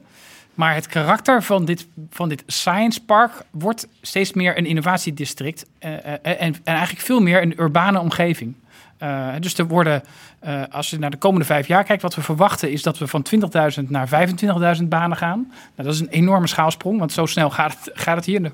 He, nou ja, een aantal van de start-ups die heel klein begonnen zijn, zijn inmiddels uh, Crucel, Farming. Galapagos is nu een heel groot nieuw kantoor aan het bouwen. Die zijn behoorlijk groot aan het worden. Wat doen dus die? Galapagos groeit hard. Wat doet Galapagos? Galapagos, ja, ook, me, ook medicijnontwikkeling op reuma onder andere. Maar het wordt dus ook veel meer uh, een, eigenlijk een stadswijk. Uh, uh, waar ook horeca, ontmoetingsplekken. Er komen bijna 4000 woningen op het Beleiden Bioscience Park. Dus over een paar jaar is dit een bruisende stadswijk. Waar mensen eigenlijk 24-7 aanwezig, aanwezig zijn, studeren, werken, recreëren, elkaar ontmoeten. Allemaal rond wel dat, dat thema bioscience. Beatrice Boots, wij hadden een tijdje geleden, PG en ik, een gesprek met de directeur-generaal Sociale Zaken van de Europese Commissie, Joost Korte. En in dat gesprek bleek eigenlijk dat hij met grote belangstelling keek naar een club waarbij u betrokken bent in Nederland. Wij zijn Catapult. Wat, wat is dat? Catapult is een netwerk van scholen in het MBO en het HBO die de samenwerking met het bedrijfsleven hebben geïntensiveerd om te zorgen dat hun studenten wat zij hun studenten leren beter aansluit bij de vraag van het bedrijfsleven. Ja, dus en hij noemde dat, Joost Korte, een voorbeeld voor heel Europa. Ja. En hij zei ook, ik zou best wel een soort Catapult Europe willen. Ja. En u hoorde dat en u bent daar ook, ook verder gegaan. Nou, kijk, wij worden vaak gevraagd van hoe hebben wij dit hier nou aangepakt in Nederland om de meer jongeren te interesseren. Daar is ook een techniekpact uit voortgekomen. Nou, dat is inmiddels door een heel aantal landen gekopieerd, onze aanpak. Dus wij zeggen de triple helix, onderwijs, overheid, bedrijfsleven, proberen samen een agenda te maken en allemaal vanuit hun uh, uh, verantwoordelijkheid hierin te investeren. Dat doen we vooral regionaal. Nou, inmiddels zijn er dus zo'n 380 van dit soort publiek-private samenwerking, het MBO en het HBO, op het gebied van bioscience in het zuiden op het gebied van chemie. Nou, Brainport is denk ik bekend. In Friesland zit Wetsus met allemaal watertechnologie. Dus dat is heel vaak ook thematisch eh, ingericht. We hebben er ook een mooie kaart van, hè, dat je kun je per regio zien wie doet er mee uit het onderwijs, doet er mee uit het bedrijfsleven. En dit hebben we ook een keer gepresenteerd in Europa. Nou, om een heel lang verhaal kort te maken, deze netwerkkaart. Hè, wij zijn nu gevraagd, of het Catapult-netwerk is gevraagd. Kunnen jullie deze netwerkaanpak eigenlijk voor heel Europa uitrollen? Want wij gaan 400 miljoen per jaar, uh, de komende jaren 400 miljoen investeren in MBO-onderwijs in Europa. In Nederland hebben we dat de afgelopen jaren met het regionaal investeringsfonds gedaan. Maar in Europa gaan, gaan ze dat eigenlijk ook op deze manier doen. En zo kunnen ehm, onderwijspartijen en bedrijfsleven zich eigenlijk melden op zo'n kaart. Om ook tot die aanvragen te komen voor die 400 miljoen. En nou, wij zijn inmiddels al door 40 ROC's gevraagd van... Nou, waar zitten dan mijn partners in het buitenland? Hè? En, en die kennen we ook grotendeels. Hè? Er zit in Basken bijvoorbeeld, hebben ze ook echt een... in Baskenland zit echt een aanpak die heel erg lijkt op die van ons. Dus ROC's kunnen heel goed eigenlijk met die regio samenwerken. Maar voor andere thema's moet je misschien in Duitsland of in Italië zijn. Dus dat gaan we de komende tijd uh, voor ze opzetten en uitrollen... zodat er ook goede aanvragen komen. En in Europa ook op mbo-niveau uh, ja, steeds meer samengewerkt gaat worden. Ja, dat is interessant, want we hebben natuurlijk de hele tijd nu over wat gebeurt er en hoe goed is het als je samenklontert op een vrij uh, overzichtelijk terrein uh, met allemaal uh, brains bij elkaar. maar dit is eigenlijk een voorbeeld, want Beatrice heeft het over bijvoorbeeld een Nederlandse club die samenwerkt met een club in Baskeland. dat je eigenlijk misschien juist ook dankzij de technologie die hier weer wordt voortgestuurd op dit terrein, dat het eigenlijk ook niet meer zo heel veel uitmaakt waar je precies zit in de wereld om samen te werken. Nou ja, je, je zit nou eenmaal ergens lokaal en daar heb je ook vaak je investering. Maar dat betekent niet dat je natuurlijk uh, internationaal kunt samenwerken. Dus het is eigenlijk en-en? Het is en-en, denk ja. ik, ja. ja. ja. Want ik, ja, dus dat is absoluut waar. Met moderne communicatietechnologie. En ik denk dat we allemaal de laatste tijd leven van Zoom en, en Teams. Er blijkt heel erg veel mogelijk te zijn. Maar ik denk wel dat de kracht van een innovatiedistrict is dat je toch echt wel ja, mensen ook echt samenbrengt. Zodanig dat ze echt op een heel makkelijke, ongedwongen manier eh, ideeën kunnen uitwisselen, van elkaar kunnen leren, elkaar inspireren. En dat is denk ik ook die stap die we willen maken. Hè. Dus nu zijn we een prachtig bioscience park waar een enorm sterke universiteit, een geweldig ziekenhuis, een hogeschool van topkwaliteit, hele veel bedrijven. Maar we moeten nu veel meer die interactie echt stimuleren. En echt ook daar de stappen voor nemen om dat, om dat echt vorm te geven. En ervoor te zorgen dat het veel meer gebeurt dan dat dat het nu is. Dat is denk ik die essentiële schakel naar een innovatiedistrict. en dan kan je nog een stap verder gaan, waar Jury ook op, die, op doelt. dat je echt zegt, ja, dan moet je er ook horeca gaan brengen en wonen. Zodat mensen elkaar ook buiten de normale werkzetting uh, ontmoeten. Dan ga je naar nog een nieuwe uh, dimensie toe. Maar ik denk waar wij ook als Bioscience Park ons nu zeker ook op de wat directere korte termijn op willen richten, is om heel actief die interactie tussen onze bewoners verder te versterken. Maar ook zo aantrekkelijk te zijn als Leiden Bioscience Park, dat die mensen uit Baskeland ook zeggen, als dat weer mag na de coronacrisis, hè, wij gaan naar dat congres in Leiden. Wij gaan daar naartoe, want dat is waar die biotechnologie, dat is waar die geneesmiddelontwikkeling zo super sterk is. Ja, Jurie van der Steenhoven, krijgt u veel vragen uit, uh, uit het buitenland, uit de internationale wereld, van hoe doen jullie dat daar in Leiden? Het valt wel uh, ook steeds meer op in het buitenland. En wat je eigenlijk ziet in het model, is, is dat je dus dit soort kernen, dit soort innovatiedistricten, die eigenlijk heel lokaal zijn, die wel uitlopers hebben ook in een, in een, in een bredere regio. Want er zijn eigenlijk allerlei bedrijven en kennisinstellingen ook met het Leiden Bioscience Park uh, uh, betrokken, die door heel Nederland zitten. maar waar dit toch een plek is om, om samen te komen. En dit is eigenlijk een hub om dan kernen die op datzelfde thema als biotech gaat, dan, dan is Boston bijvoorbeeld ook een hele belangrijke regio. Nou, daar zit, daar zit Jansen ook, of Toronto. Daar zit Jansen ook weer. Dus je ziet vaak dat er bepaalde, juist hele grote internationale spelers, soms ook de, de, de, die, die, die brugfunctie vervullen. Um, en het is een enorme belangrijke factor ook voor talent. Zowel jong talent wat gaat studeren, die, dat, wil, dat, dat zoekt zo'n omgeving, maar ook internationaal talent, wat zich eigenlijk tussen die innovatiedistricten internationaal beweegt. En een tijdje in Boston woont, of dan weer in Toronto, en dan misschien een paar jaar in, in, uh, in, in, in, in, Leiden komt wonen. En dat talent wil in dat soort, ja, zo'n zo dynamisch district waar je alles bij elkaar hebt, waar je heel makkelijk die interactie plaatsvindt. Dat is, dat is daarvoor heel, heel aantrekkelijk. Ja, en is het dan altijd makkelijk voor Leiden, voor Nederland, om dat toptalent hier naartoe te krijgen? Want ja, ook die mensen die kijken natuurlijk vaak naar. misschien niet meteen wat kan ik zelf verdienen, maar wat voor budgetten zijn er beschikbaar voor het werk dat ik doe?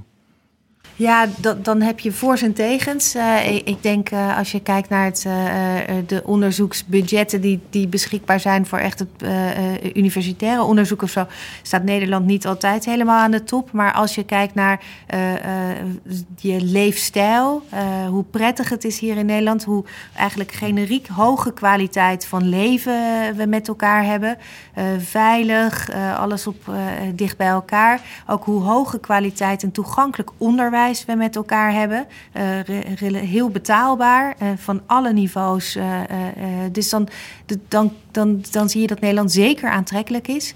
En ook zo'n bioscience park, als je daar zo'n prachtig ecosysteem hebt, zie je dus ook dat je echt aantrekkingskracht hebt op internationaal talent. En dat zien wij als universiteit ook. Dus promovendi uit heel de wereld, die herkennen dat. En die komen dan ook hier naartoe. En die promoveren dan misschien bij ons, maar gaan daarna weer werken bij Jansen. Dus dat is cruciaal om dat goed met elkaar te doen. En dat is echt internationaal zichtbaar.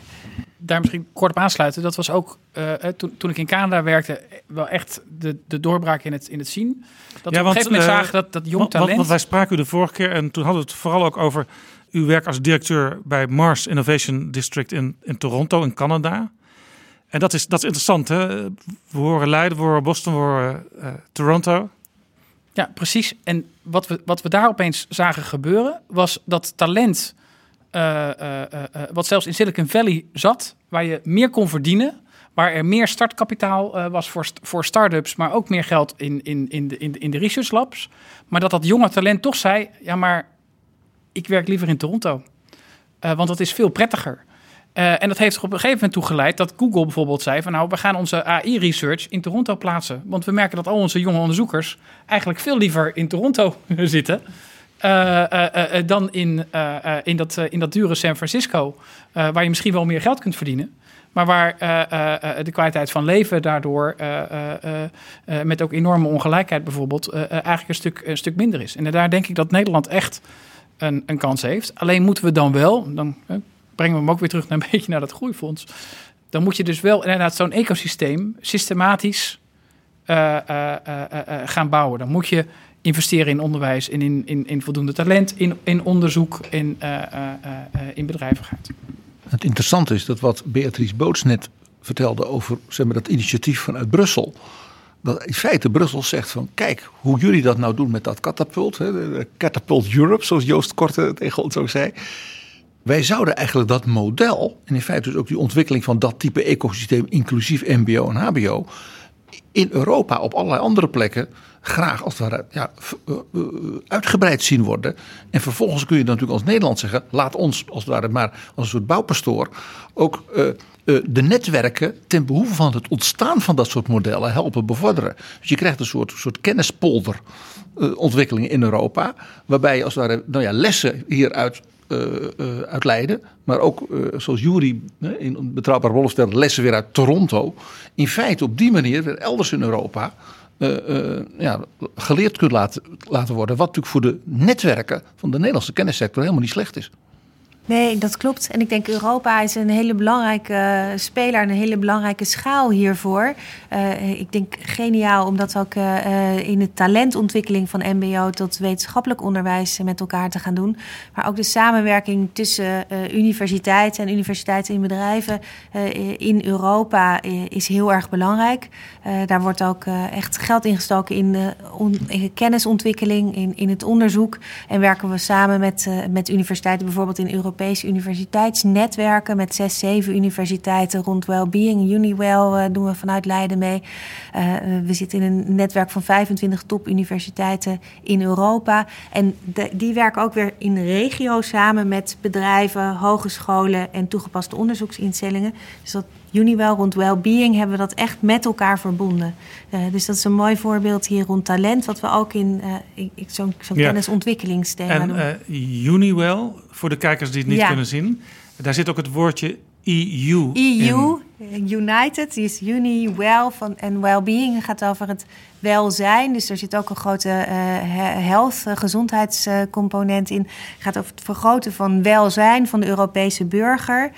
Onze eigen medewerkers en studenten. Er zit onderzoek, maar ook onderwijs, dus talentontwikkeling. En het opstarten van bedrijven en bedrijvigheid. En het samenwerken met geassocieerde partners en bedrijven. Om echt te zorgen dat die kennis dus tot, tot het verhogen van welzijn ja, van een ja, dat, dat is interessant. Even een hele kleine opmerking van mijn kant tussendoor. Want ik, ik, ik uh, las een column van een van de mensen van het uh, Centraal Planbureau... die ook meerekende voor de commissie uh, Dijsselbloem.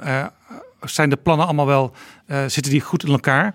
En ehm, die, die, die columnist, dus een van de, van de mensen van het Centraal Planbureau... die zei ja, het, het begrip brede welvaart, wat best een lastig begrip is... Uh, vanuit die blik moet je eigenlijk Klopt. meer kijken Klopt. naar de plannen die worden ingediend. Ja. En dat kunnen we niet altijd precies uitrekenen op hun geld. effecten. Maar we moeten er wel steeds meer zo naar kijken. Ja, klopt. Dat is ook een van de lijnen van deze onderzoekssamenwerking. Om ook uh, met Europa en de, uh, de lidstaten die verbonden zijn... te kijken naar een nieuw soort maatstaf voor welzijn. We denken nu in bruto nationaal product en welvaart. Uh, maar welzijn, geluksbeleving, gezondheid...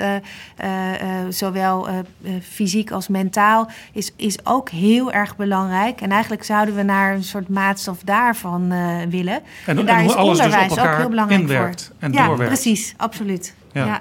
Ja, en wij zijn bijvoorbeeld ook een partner van, Ja. van de Universiteit Leiden, bijvoorbeeld binnen dit binnen initiatief. hè, Omdat we, ja, wij ook ontzettend begaan zijn met het topic. En we juist geloven dat in die publiek-private samenwerking daar heel veel te bereiken is.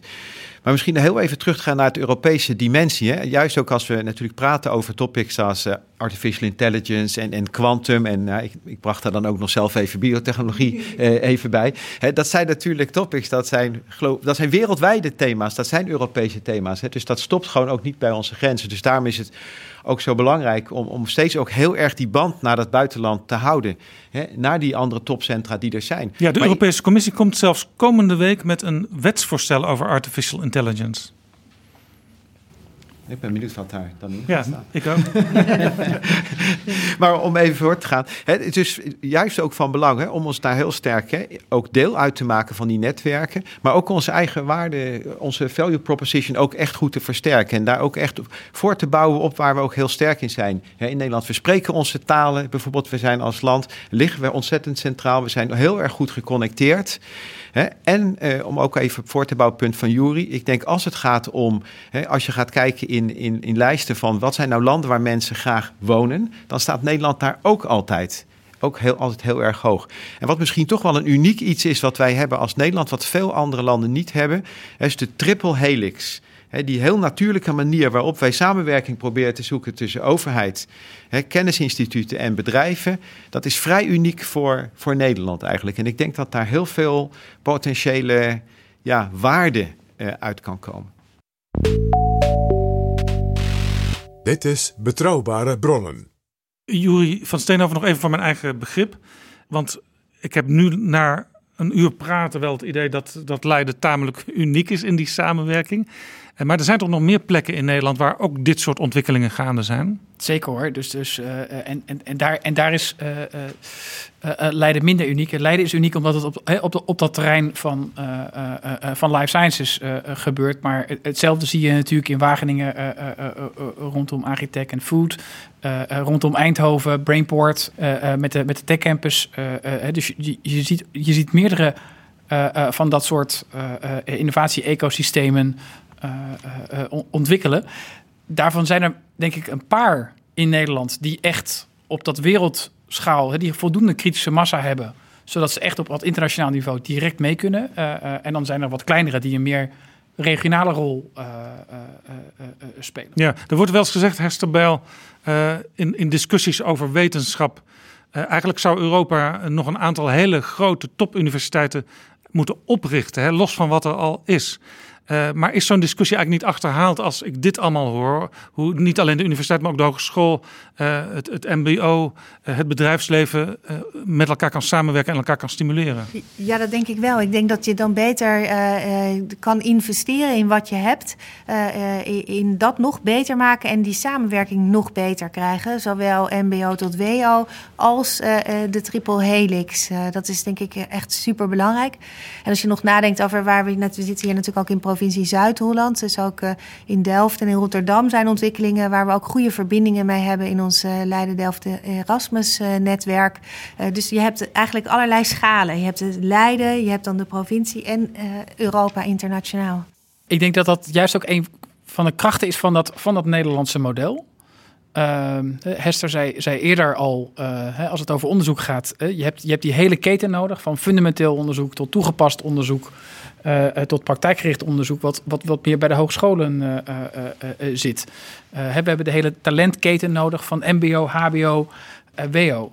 En juist dat je, dat je instellingen hebben die op dat deelonderdeel eigenlijk de maximale kwaliteit uh, uh, daarop kunnen organiseren. En dan is onze taak vanuit de hogeschool om te zorgen dat er nou ja, hele goede analisten in die, in die labs staan. En dat die met de nieuwste technieken kunnen, kunnen werken. Of daar zelfs een beetje op voorop lopen. En ook samen met het werkveld daar onderzoek naar, naar doen. Dat is, ons onderzoek gaat niet, is niet het fundamentele onderzoek van de universiteit. Maar gaat veel meer over waar zitten er verbeteringen in dat lab. Waardoor die analist nog beter kan, kan, kan werken. Maar wel zorgen dat dat samenwerkt in één ecosysteem. Ja, Beatrice Boots, dat moet eigenlijk als muziek in de oren klinken. Hè? Wat uh, uh, Hester Bel net zegt. we moeten ons niet focussen op alleen maar die topuniversiteiten... of misschien zelfs nieuwe grote universiteiten. Het gaat juist om die samenwerking. Ja, nou, ik zou in, in Europa hebben al een heel aantal mooie samenwerkingsorganisaties. Die noemen we de European, uh, de, de KICS, de Knowledge and Innovation Communities. En die zijn ook weer op thema's die ons bekend voorkomen: klimaat, digitaal, food, health, uh, maar ook urban mobility.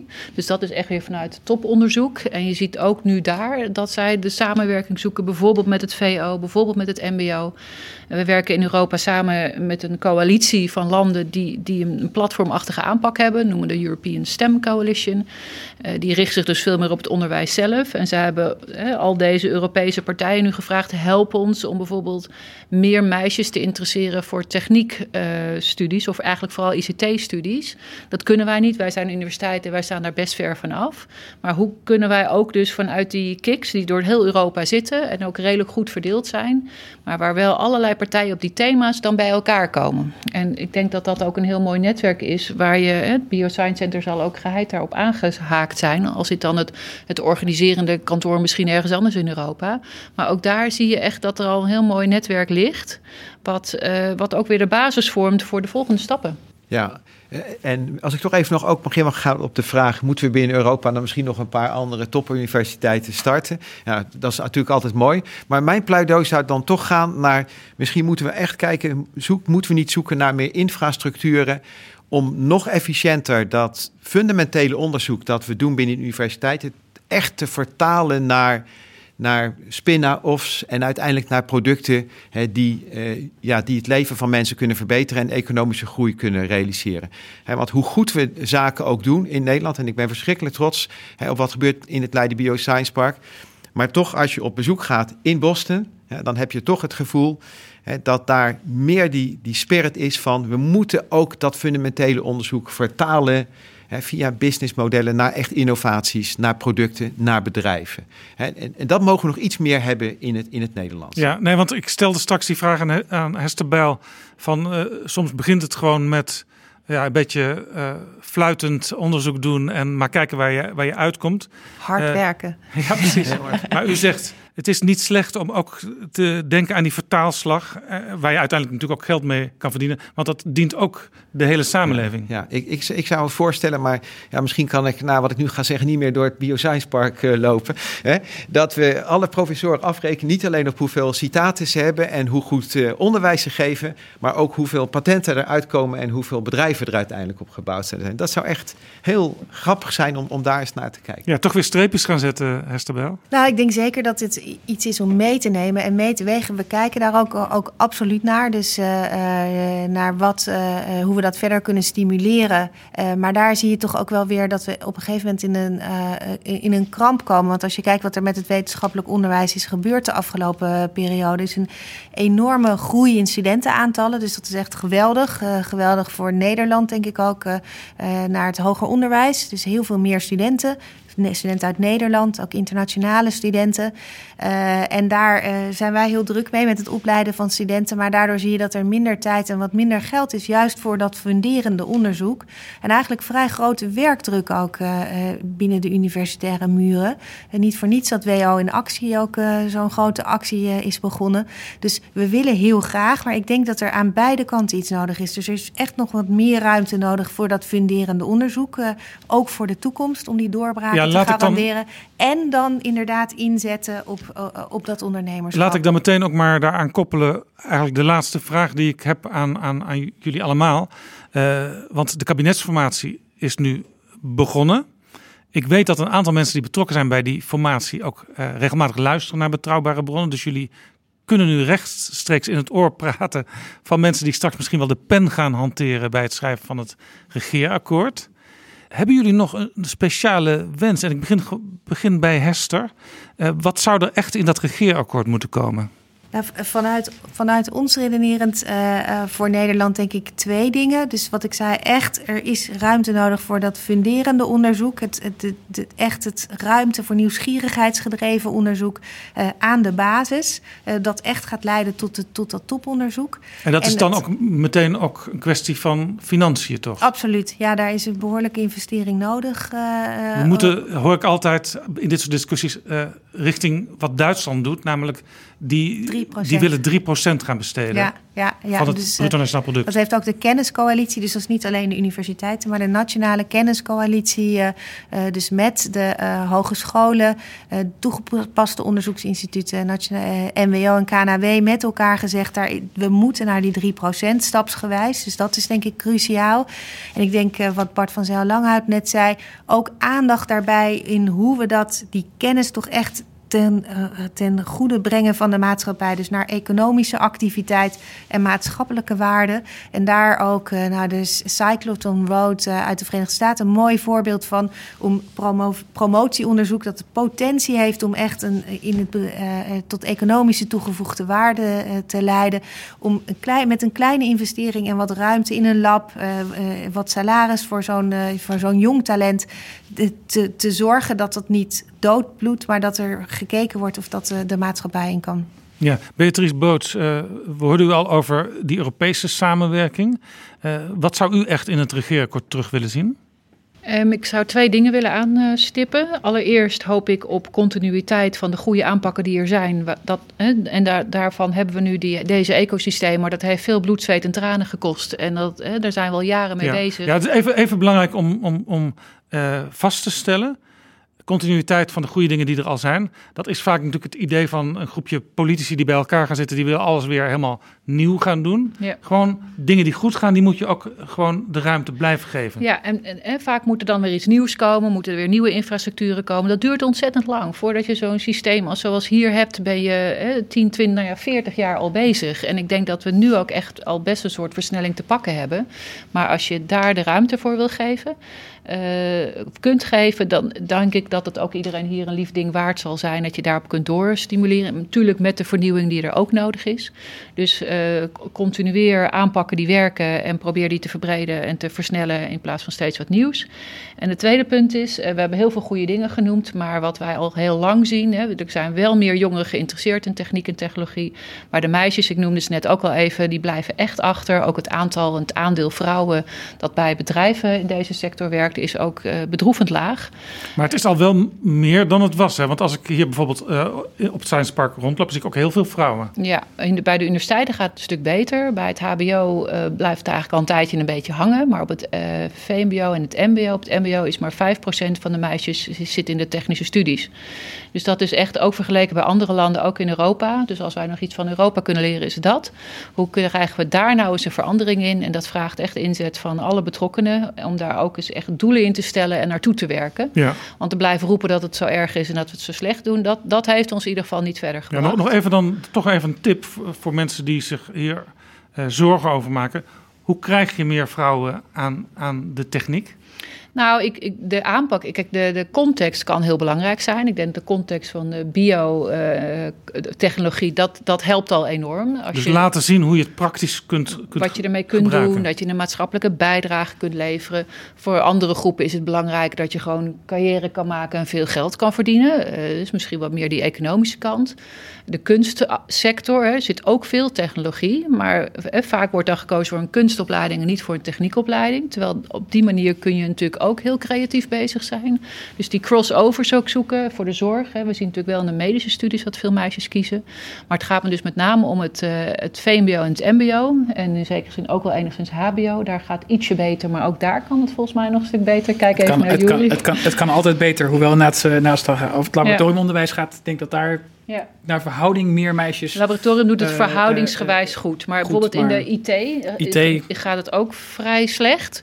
Je ziet al op basisschool, het is geen verplicht vak. Eh, als het die school het niet aanbiedt, je komt er niet mee in aanraking... zijn meisjes vaak dan al in een achterstand. Dus daar bijvoorbeeld ook al gewoon echt een goede basis en een standaard neerleggen. Ja. En, maar dan zul je ook de docenten moeten helpen. Want ik denk dat de En ook een paar enthousiaste leraressen die juist Zeker. die vakken Ja. willen geven. Ja, die hebben, hè, als je vaak de PABO komt, heb je er vaak ook al niet zoveel eh, contact mee gehad en ervaring mee opgedaan.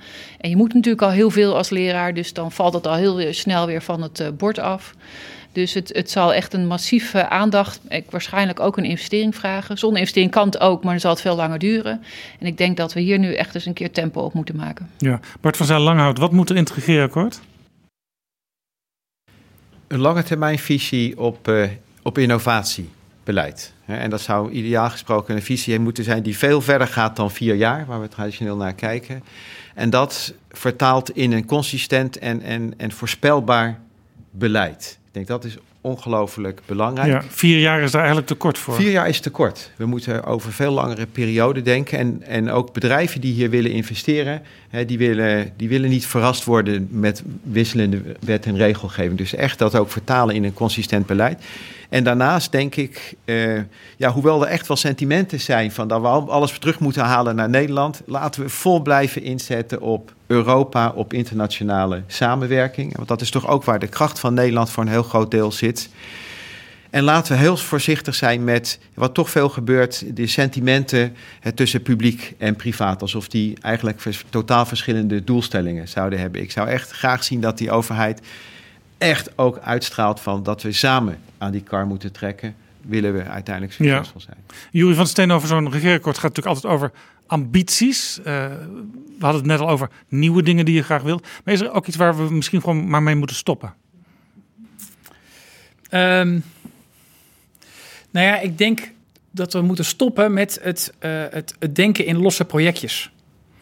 Eh, eh, en dat is, hè, als ik dan ook wel een een- nog een beetje kritisch ben over die eerste ronde van het eh, groeifonds, hè, dan zou je dat advies van de commissie van, van Dijsselbloem ook zo kunnen lezen. als van nou ja, de bedragen die worden aangevraagd zijn wel, zijn wel heel erg groot. Snijd dat nou op in losse, in losse projectjes. En, en, en dat hebben we zeker in het innovatiebeleid ontzettend vaak gedaan. Terwijl het nou ontzettend belangrijk is, eh, maakt nou die innovatie-ecosystemen eigenlijk het hart van je, eh, van je beleid. Ga eh, bijvoorbeeld als het over onderzoek gaat, over de hele keten van fundamenteel toegepast, maar ook praktijkgericht onderzoek wat bij de hogescholen plaatsvindt, kijken wat kunnen we daarin versterken. Er ligt een heel goed rapport van het PwC. Eh, eh, wat over die hele keten aangeeft. Van, nou het probleem wat Hester eerder aangaf, wat nu speelt bij de universiteiten. Maar ook de schaalsprong die nodig is binnen het HBO. Om die onderzoeksfunctie daar ook een stap verder Ja, eh, dat te rapport brengen. van PricewaterhouseCoopers is ook omarmd door minister Ingrid van Engelshoven. Precies. Hè, dus ik zou zeker de formatietafel, mensen die daar zitten, aanraden om dat rapport te lezen en daarmee aan de slag te gaan in de, in de volle breedte. Maar ook hè, om, om misschien wat gedurfder, in plaats van te denken in losse projecten, kies nou. Wat, de, wat de Canadezen een aantal jaar gedaan hebben, die hebben toen vijf, eh, ze noemen het superclusters eh, benoemd. Kies nou vijf van die grote innovatie-ecosystemen waar er een sleuteltechnologie is, waar je één of meerdere re- geografische kernen eh, van hebt en waarvan je denkt, daar kunnen we in Nederland echt op, op mondiaal terrein in mee. En ga daar nou eens echt in investeren voor een termijn van een jaar of tien. Om dat innovatie-ecosysteem echt in, in al zijn uh, aspecten, van onderwijs tot onderzoek tot bedrijvigheid, uh, uh, te versterken en Ja. in- internationaal En eh, een van te die, een van die voorbeelden, eh, neem ik aan, is nou precies wat, wat hier in Leiden gebeurt. En dan is denk ik de cir- cirkel van dit gesprek ook rond. Precies. Mag ik jullie allemaal hartelijk danken voor dit gesprek. Hester Bel van de Universiteit Leiden, Bart van Zijl Langhout van eh, Janssen, Beatrice Boots van het Platform voor Technologie, Jury van de Steenhoven en uiteraard ook onze eigen PG.